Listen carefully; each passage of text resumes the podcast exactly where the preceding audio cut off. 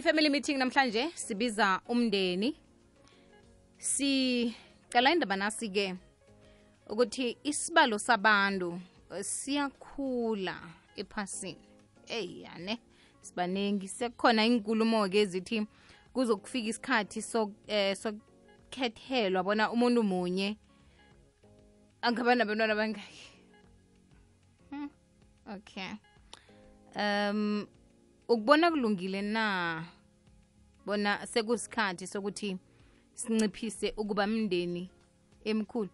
Thola ukuthi sibanengi bathini bangakhe khenu o angithi ungibuze-ke queens ukuthi singakhekhaya angithi ungibuze. Ya manje si-ke ngoba sesibaningi kubonakala sibaningi khulu namkha kubonakala njalo. Namhlanje zi- zi-11 july ne yeah. I-world population day. S- yo okay. Sibaningi khulu sibaningi ngokudlulileko no. Kodwana isibalo sabantu siyakhula ephasini. Nesithi nasikhulako njalo sekube nenkulumo-ke zithi hawa sekufanele sikhethelwe. Na unomntwana munye hawa itshayile zokuthi batsho wena ufuna abantwana abahlanu wena ufuna umndeni omkhulu ingasenzeka into efana naleyo. Uyibona njani? Ubona kulungile? Namkha ubona sekusikhathi sokuthi sinciphise ukuba mindeni emikhulu maye uthi kumnandi na? Kuba baningi kodwana nasi indaba yokuthi sibaningi ku-079 kulapho ungasithumela khona iphimbo lakho nge-whatsapp. Um ungasidosela ku-086 112 04 59 namkha usikhulumise lapha ku-facebook page yomhatsho ikwekwezi fm kukulapha kunesihloko namkha umbuzo namhlanje ku-twitter at ikwekwezi underscore fm at zuzu underscore princess d hashtag ngimnawe hashtag family meeting. Uzuzu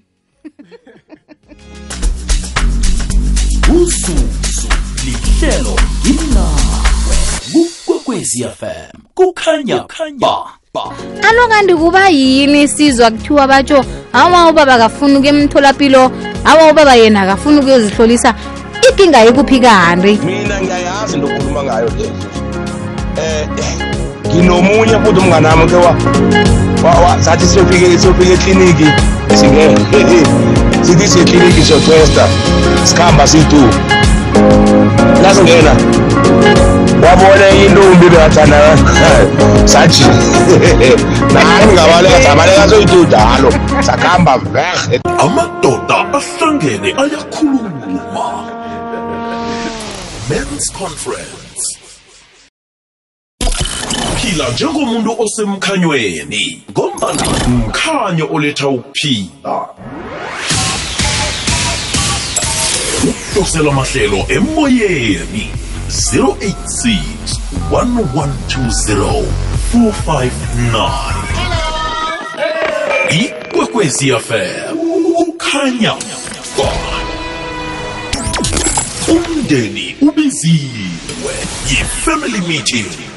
Azuzuzwana lo thandanga zethu ya mina ngimuntu obukhethu khulu zuluzu ungizwe mmoyi ngikholelwa ekutheni kumele vele sibe nomndeni omkhulu nomningi.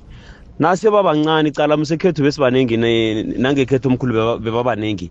Ngizabe ngitelela bezimu ngithola lapho. Kumele vele ogasenani kamara ngibe nabantwana abalisumi kuphela ngiyathokoza. Kubonga nomalwele okhulumako. Hello Zuzu. Uh Zuzu mina ngibona ukuthi right. Umuntu ufanele ukuthi mhlambe mina ngathi ma kungimi ngibeka loyo ngithi umuntu ufanele angadluli ku-five yabantwana angeqeli kulesi esinye 5 yabantwana is fine is enough. And umuntu ongakatshati umntwana oyi-one u-right for yena. Usahlala ekhabo umntwana o-right uyi-one nje u-right for yena. Le nto le ukuthi umuntu abeletha abantwana abayi-eight ahlale ekhabo nabantwana bakhaba nabo sebayabeletha nabo. Nabentwana bomntwana laba nabo sebayabeletha nabo zuzu. Emzini oyi-one uthola abantu sebayi-thirty-six bahlala endlini r d p. Ye siyazibona thina zuzu yong ye siyazibona yong umuntu abeletha abantwana abayi-eight ahlale ekhabo. I-firstborn akhe nayo ibelethe nayo. I-firstborn ne-firstborn akhe nayo ibelethe nayo. Basahlala emzini oyi-one endlini r d p eyi-one zuzu. Khani abantu bacabanga njani thina sicabanga njani? Aba- abangendi boke abantwana abayi-eight labo nomunye nomunye unoba bakhe zuzu. Mina lo mthetho lo ngingawuthabela kulu loyo zonke zihola imali grant boke njalo batsho bahola imali grant. That is why izinto ze-south africa zingaphumeleli zingayi phambili ngoba imali imali yegovernment isebenza entweni ezinengikhulu zuzu. That is why ezinye izinto zigandelelekile. Ngiyathokoza. Eyi mina ngawuphakamisele nguphakamisele kwabona ebusika nje bona kuba mnandi kangangani? Batsho ngikwagogo kuba sistofu nilala phasi noke nibaningi kuphekwa isopo. Neti nanikuvasa lapha? Kodwana nanibaningi mani nande nivuma nengoma kuba ngasuthi kunomnyanya kanti awa ngini nihlale emzini loyo noke. Kumnandi ne? Khani angazi. Sekuthi mhlawumunye bengingedwa kulo hmm. Akwanda akwanda akwanda zuzuzwana khuluma nofane ngwakwamasilela ngebhongoro. Hawa mina ngiyayiphasisa ngiyayiphasisa into yokuthi sikhethele uyise yona abantwana abangaki. Nawunabantwana abayi-two kwanele hawa. Ncedana ukuthi ube nabantwana abayi-six seven ngaphana ufuna ugovernment angenelele kuncedisa isondlo hawa.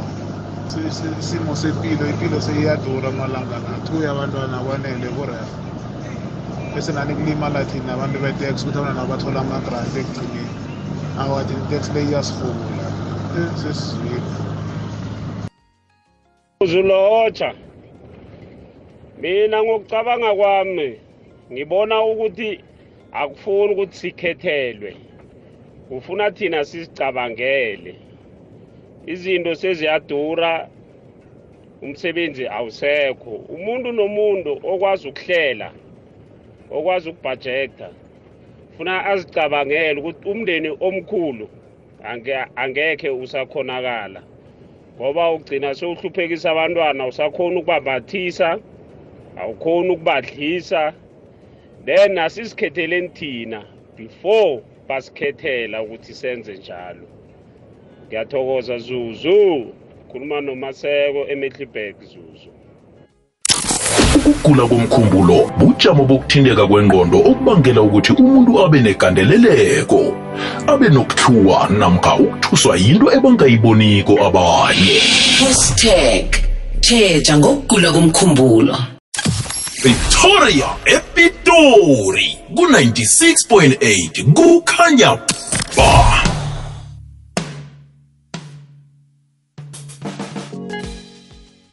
Ilithumi nethoma imzuzu ngaphambi kwesimbi yethumi nanye ikwekwezi fm kokhanya ba uhlangene umndeni namhlanje yi-family meeting.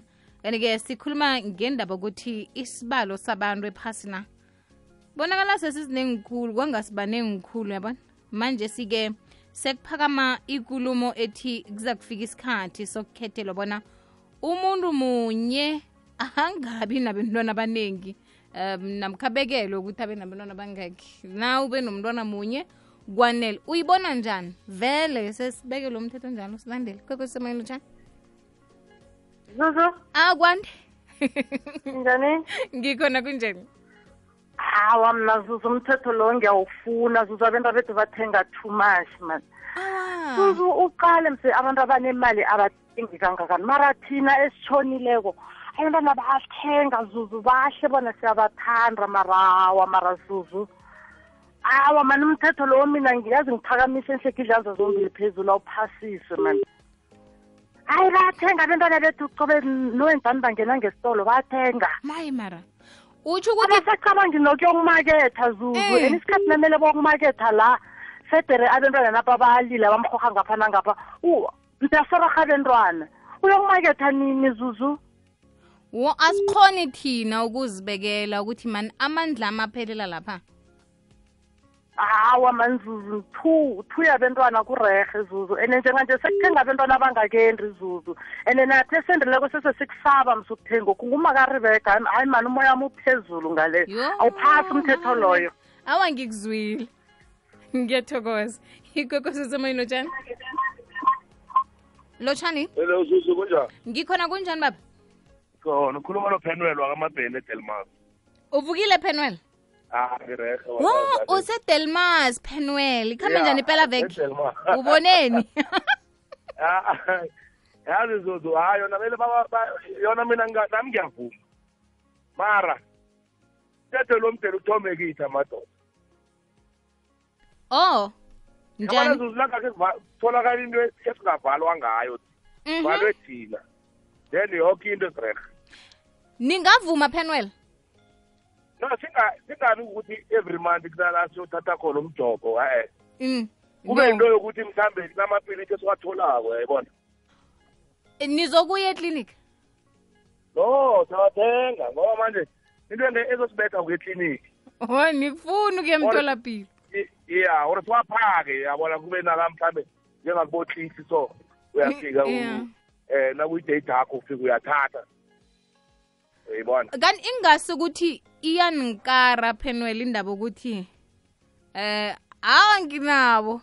Nangithi unomntwana na penwell uthi nginabo. Nokuthi nalo dlulako msingi wami. ukuthi iyasikara. Sowukhulumisa ngokuthi bakhona be wo. Umtlhago walapho-ke eh. Umtlhago phela yazuzu njengami mina ngina-five yabantwana. Yayibona okay. Phela inzima zuzu la isuka lapho. Bonke abantwana labo sele wenze sure. And and manje ikubetha kuphi? Mm. akusibo umama oyi-one. Phengaki penwell bayi-five.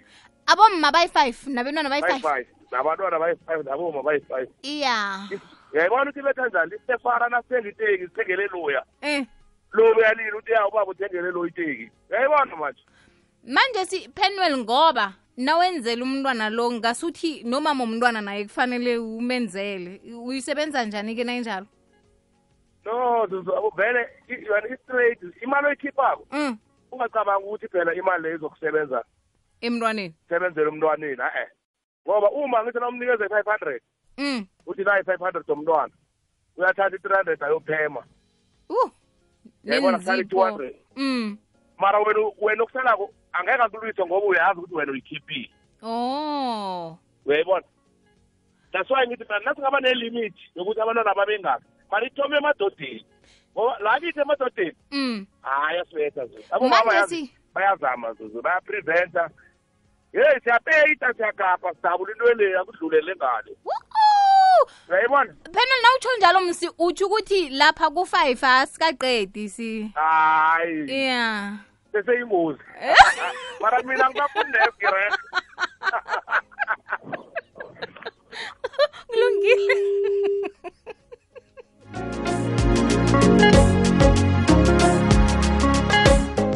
ilithumi nani mzuzu ngaphambi kwesimbi yethumi nanye. Ikwekwezi yaphambi kwekhanya ba. Ikwekwezi usamuel lotshani?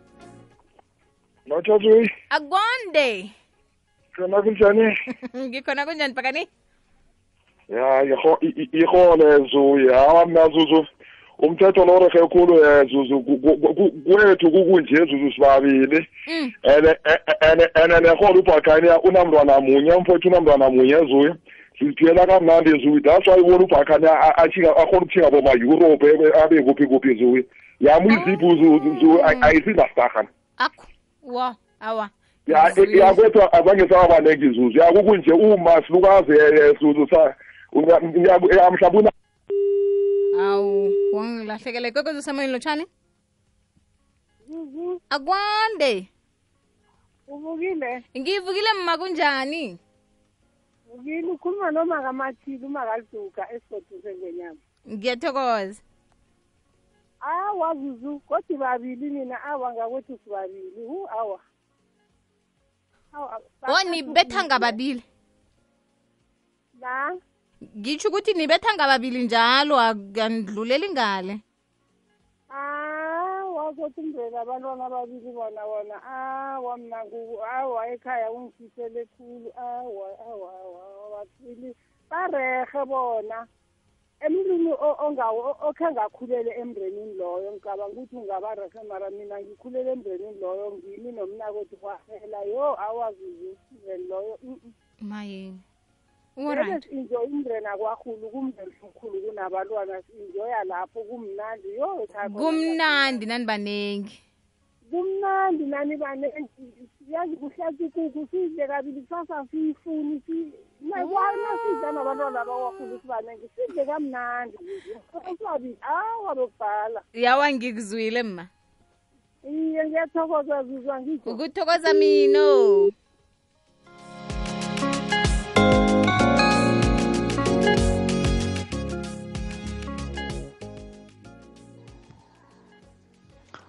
Zuzu sanibonani ekuseni. Eh gogo kaDivine Nompendulo eMiddelburg eDoornkop. Zuzu mina ngibona ngathi kuyindlela e-right vele cause the way kungakhona Zuzu. Yabona manje kule mangathi uyabheka kule minyakanyana ezayo sogcina silele ngendlala singakadli Zuzu. So kungcono vele umuntu vele Zuzu vele azibalele the way abantwana bakhe. Njengami mina abantwana only three. So ngazitshela ngathi ngifuna only three abantwana not more than that. So vele ngibona ngathi kuyindlela e-right zuzu vele ukuthi bas- basibalele vele basikhantele zuzu bakhathe vele. Ngiyabonga bayi lotsha zuzu zuzu mina ngowami umbono ukuba nabantwana kamari usube nababili bathathu ampuru barehe nabanjalo. Ngoba isikhathi sanamhlanje se abantwana banje abasafani nabantwana bakadeni. Abantwana banje bafuna into eziningi and bayadura and nezinto ziyadura and bayadelela zuzu. Abantwana banje baphenduka abaz- baphendula abazali baphendukela abazali. Umntwana uyamkhulisa kusasa abe sisitha sakho. Kusasa akutshele ukuthi wena uyini uphumaphi. Usuke wena uphile kabuhlungu zuzu uzwe ubuhlungu obunye ongabaziko bo uthi ngathana zange ngaba nabo abentwanabo manje ngalokho ayi izuzu vele yazini. Nhleke namunye urehe umntwana. U awa zuzu awa. Alright bye.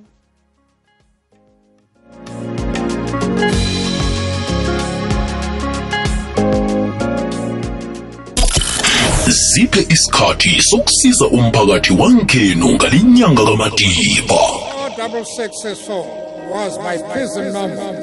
I greet you all in the name of peace, democracy, and freedom for all. theka kusezandleni zakho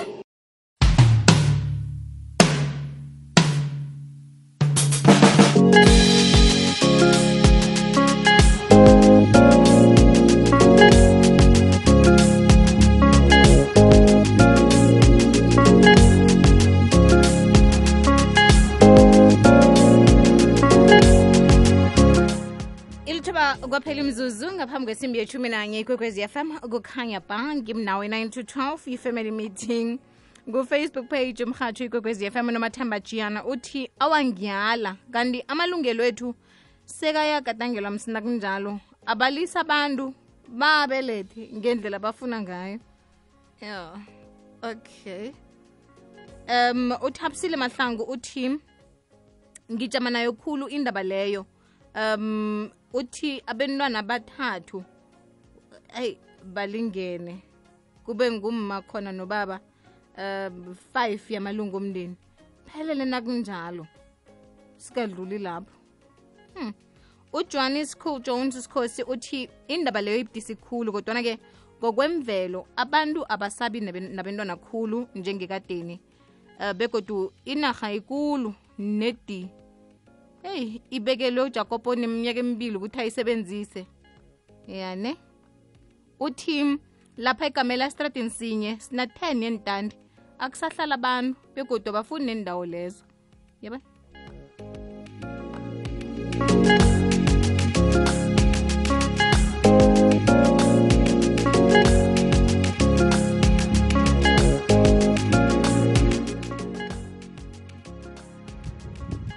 ekwekwezini ukhanya pha lotsha zuzuzana. Kunjani sisi ha nami ngirehe la ukhuluma nosikni mahlangu. Hayi isihlobo sakho ngiyasizwa sisi wami mare hayi ukuya ngami mina izoba inkinga yo. Cabanga bokufana nathi n- manje phela abanye thina asinabo nabantwana noyi-one. Manje ngiyibuza ukuthi eh if lo mthetho lo ukhona lo uzaphasiswa loyo? Utsho ukuthi thina ibongo zethu abomahlangu msizonyamalala cabanga se sengiba no- nomntwana munye. Eh tsho ukuthi iphelela lapho and ubuphilo bamanje zuzu sebu sebuncane phela cabanga sisaphili isikhathi eside kufana nalokhu. Utsho ukuthi makubhale mina kubhale nalo mntwana nginganayo omunye wesibili uyabona ukuthi uzuzuzana iyaphi? Ibongo ziyachabalala kanjalo ziyakhamba ibongo mari madoda hawa le nto leyo ingayenzeki eh ngali indlala hayi indlala yona hayi ikabhogile mara hayi. Lo mthetho bangawuphasisi ngithokoze zuzu khuluma nosidi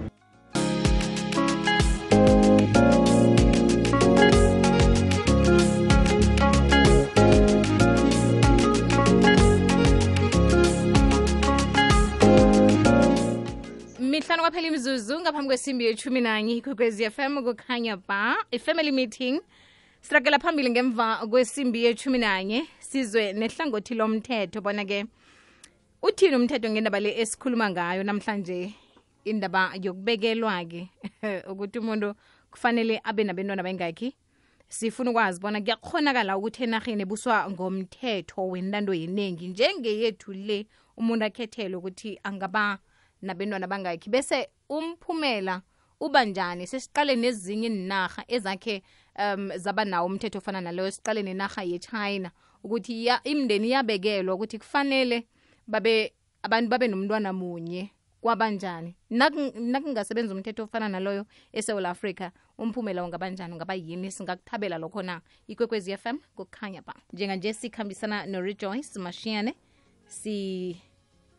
siqala-ke bona uthini umthetho ngendaba esikhulume ngayo nabe sibize umndeni rejoyce uvukile hawu sivukile zuzu singeva ngakuwe. Sivukile siyathokoza ukuba nawe namhlanje emhathweni ikwekwezi fm hawu kuthokoze mina. Nasi indaba rejoice. Um into esifuna ukuyazi namhlanje ukuthi eh, kuyakhonakala na ukuthi enaheni enarheni ebuswa ngomthetho wentando yeningi um njengeSouth africa nje umuntu akhethelwe ukuthi angaba nabentwana bayingaki ukuphendula umbuzo impendulo ithi yebo. But umraro uzoba sekutheni bazoyi-implementa kanjani? Ngoba uma ubheka inarha efana nayo isewula afrika kube nemithetho eyenzeka before sithola intando yeningi ngo-94 so beyikhona during the apartheid system amapolisi wokuregulata i-overpopulation.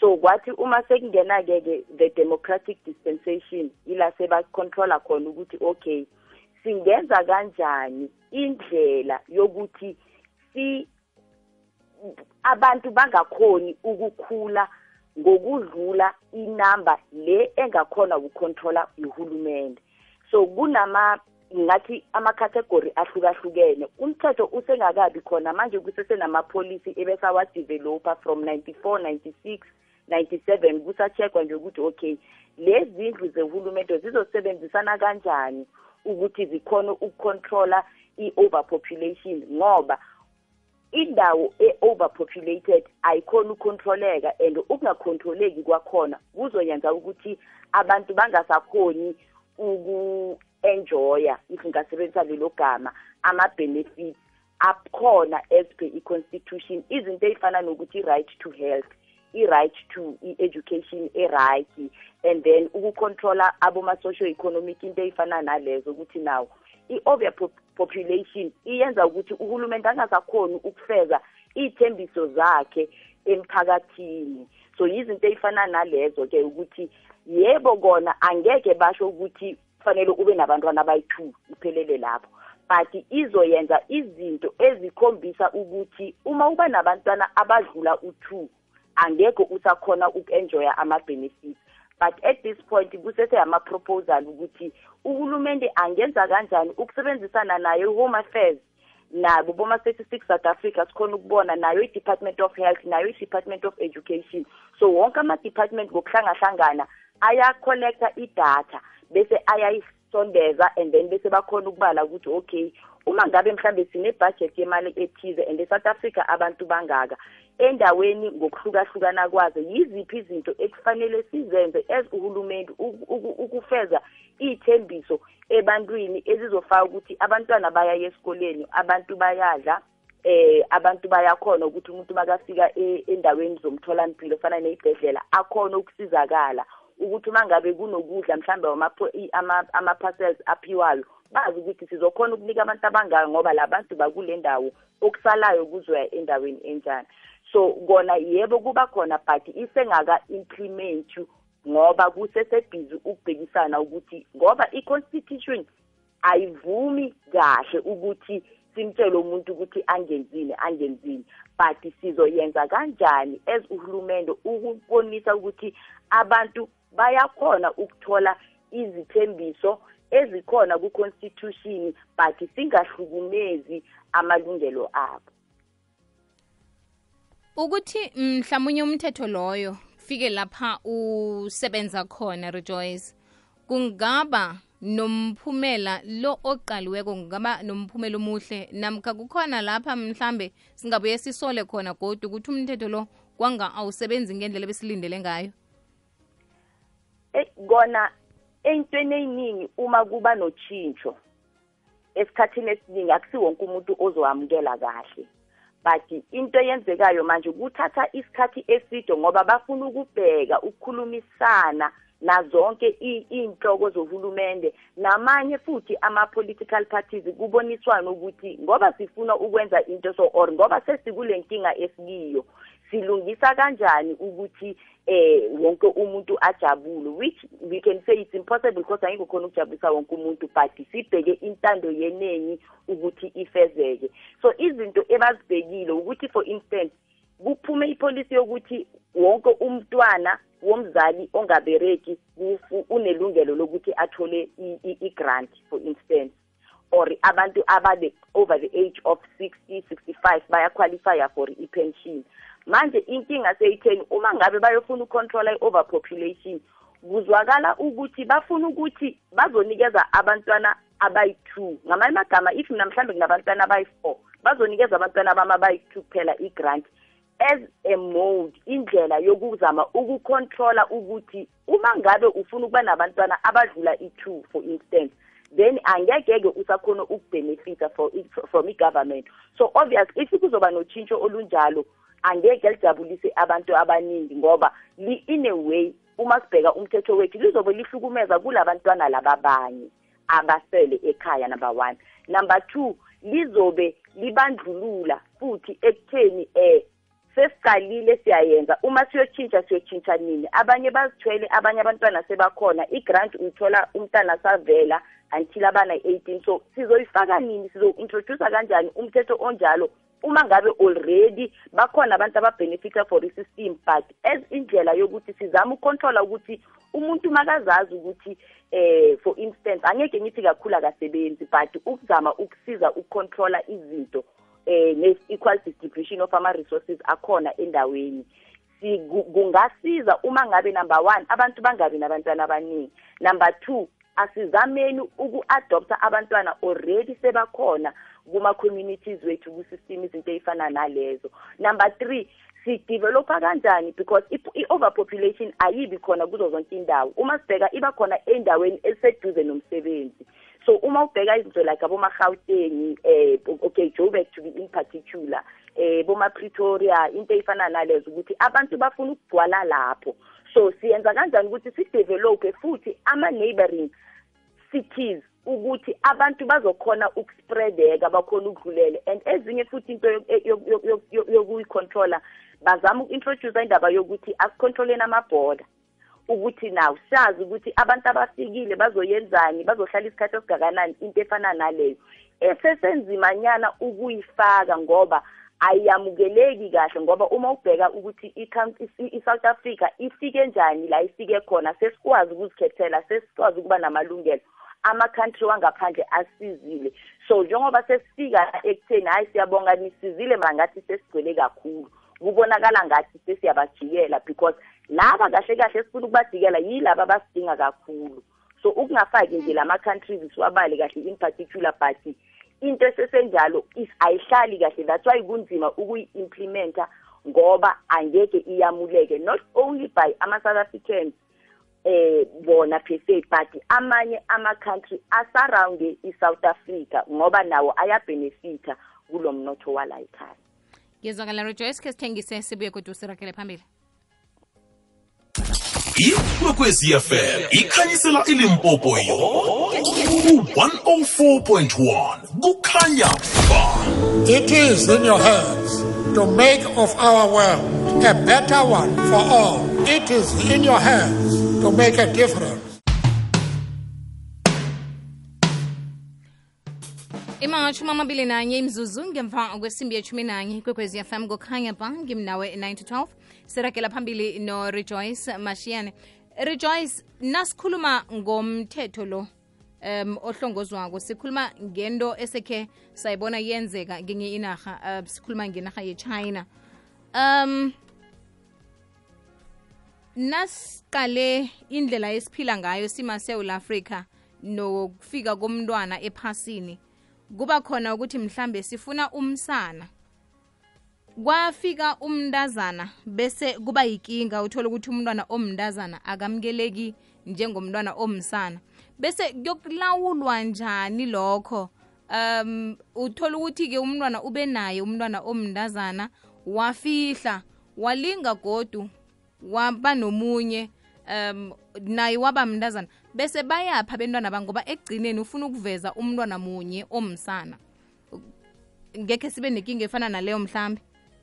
Izoba yinkinga vele ngoba umuntu sekazofuna ukuletha lokho okufunekayo ukuthi azokhona ukwamukeleka but asikhulumi ngalokuthi uma ngabe kwenzekile ukuthi kuvele lokhu okungamukelanga siyoba yisathi yila seyiqala khona Mm, i- i- i- inkinga ekutheni nawo if wena unabantwana abayi-three say for instance ebamantu- ab- ab- ab- ab- abantazane and then nomsana oyi-one uveze umsana bazokupha ama-resources as per lo mntwana oyi-one wena but kufanele bawa- bawashere endlini. So already sekuyi-crisis leyo. So yizinto ebafuna ukuzibheka because akhona ama-country njengoba usho like i-china esebayi-implementile bona lo mthetho wokuthi eh siyacontrola because as i-china abantu bebaba baningi. So yizindlela bona ababona ukuthi izohambisana nendawo yabo engafani nale yethu because uma sibheka ukuthi ama- i- i- ama-country ayahluka kunama-developing developed and uh, underdeveloped.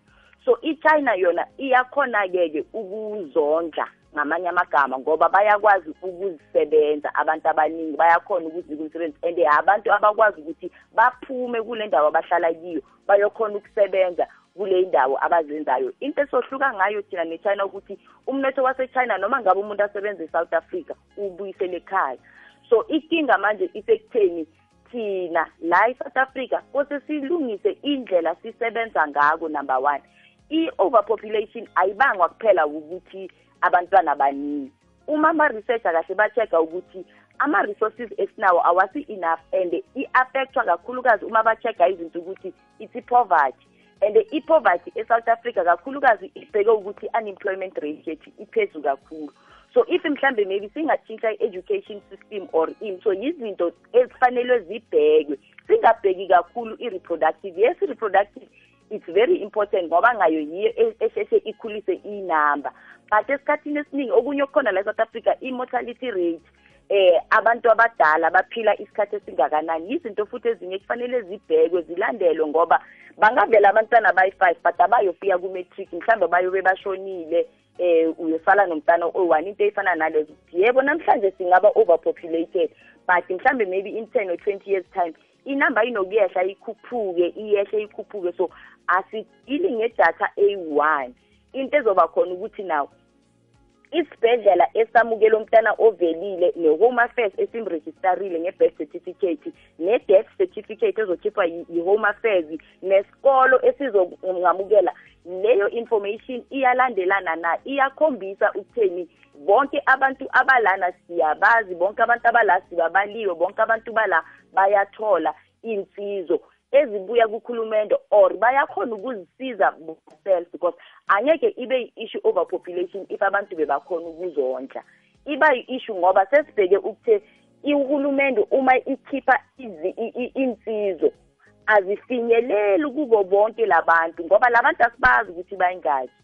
And sibahlukanisa kanjani labantu ukuthi sinika lona asiniki lona singahlukumezi laba abangatholanga singakhombisi ukuprefera enye i- i- inhlobo yabantu eh kungasile enye. Kuyizinto ebeziyenza uhulumende owangaphambilini ezibonakala ukuthi bezihlukumeza ngoba bezihlukanisa abantu ngokwesimilo or ngokwezindlela ezithize ezingavumeli i-constitution. So inkinga seyiba lapho ukuthi nawo. If sifuna ukwenzela ama-south africans so discriminate against ama-non-south africans if sifuna ukwenzela abantu abahluphekile asihlupheki kuphela e-south africa.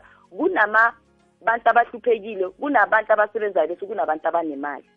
So if siyenzela abahluphekile abantu abanemali yibo kufanele bacontribute ukuthi abantu abahluphekile bathole. Sithini ngalabo abasebenzayo? Ngoba nabo akusiwo wonke umuntu osebenzayo okwazi ukuzithengela indlu. So uyafuna naye ukudevelopha kulam. I mean if uyafuna ukubenefita kuma-systems like aboma-r d p but already sesidiscriminated. That's why sekungena izinto ey'fana nokuthi okay makube nendlela ezinye mhlambe ezisiza laba abasebenzayo but imali yabo ingafiki emalini ethize. I- i- i- indleko mhlambe sihlukanise ukuthi okay izikolo uma zisola laba babhadali uma ungafuni ukubhadala uyacela sikupha i-subsidy. So sekuba nezinto eziningi ezizama ukuncedisa sibone ukuthi if sinabantu abangaka sifinyelela kanjani kibo ukuthi bonke bakhone ukubenefita from ama-systems a- a- akhipha uhulumeni. Ngamanye ama- amezwi rejoice sesiyivala akusikukuthi ngiyalawulwa ngiyakhethelwa bona ngenzeni. Kuhle kuhle yindlela yokusiza mina ukuthi lokho enginakho nje kungisebenzele ngingazitholi sengihlayelelwa kodwana-ke baningi abantu abaqalelele kimi ukuthi kufanele ngibondle kufanele bathole konke abakudinga kokimi beze ngami abantu aba amen. Uyibeke kahle kakhulu intention ukulo nje- njengoba uyibeka. Ngoba akusukuthi bazokucontrola abantwana i- eh eh abantwana mabakhona bayizo- bazodlisa ubani? Abantwana mabakhona bazofundiswa ubani? Yiloko kakhulukazi that's why uhulumende sekafuna ukungenelela ngoba yebo unelungelo uzoba nabantwana ubile nabantwana mawuqeda uthi hey government ayisiphi imisebenzi hayi bo. I-government ayiphani abantwana so inkinga seyiba lapho ukuthi if- i-false sense of entitlement ivela ekutheni sicale simoshe thina. Bese mase sesihlukena u- uma sesihluleka sesifuna ukuphonsa isandla sifune ngathi sesiyablema so kakhulukazi sose sizilungise cala ngale ndlela esicabanga ngako siyibone ukuthi uhulumende uzofuna ukungenelela ngoba kugcina kuba yinkinga yakahulumende ngikuzwile rejoice. Sithokoza kakhulu ngilwazi osabelelwana nesikhathi sakho. Sibawa inomboro lapha singakuthinda khona. Ngitholakala ku-zero seven two four one two three zero zero five zero seven two four one two three zero zero five. Sithokoza kakhulu rejoice kuthokoze mina bangahlala kahle abalaleli emakhaya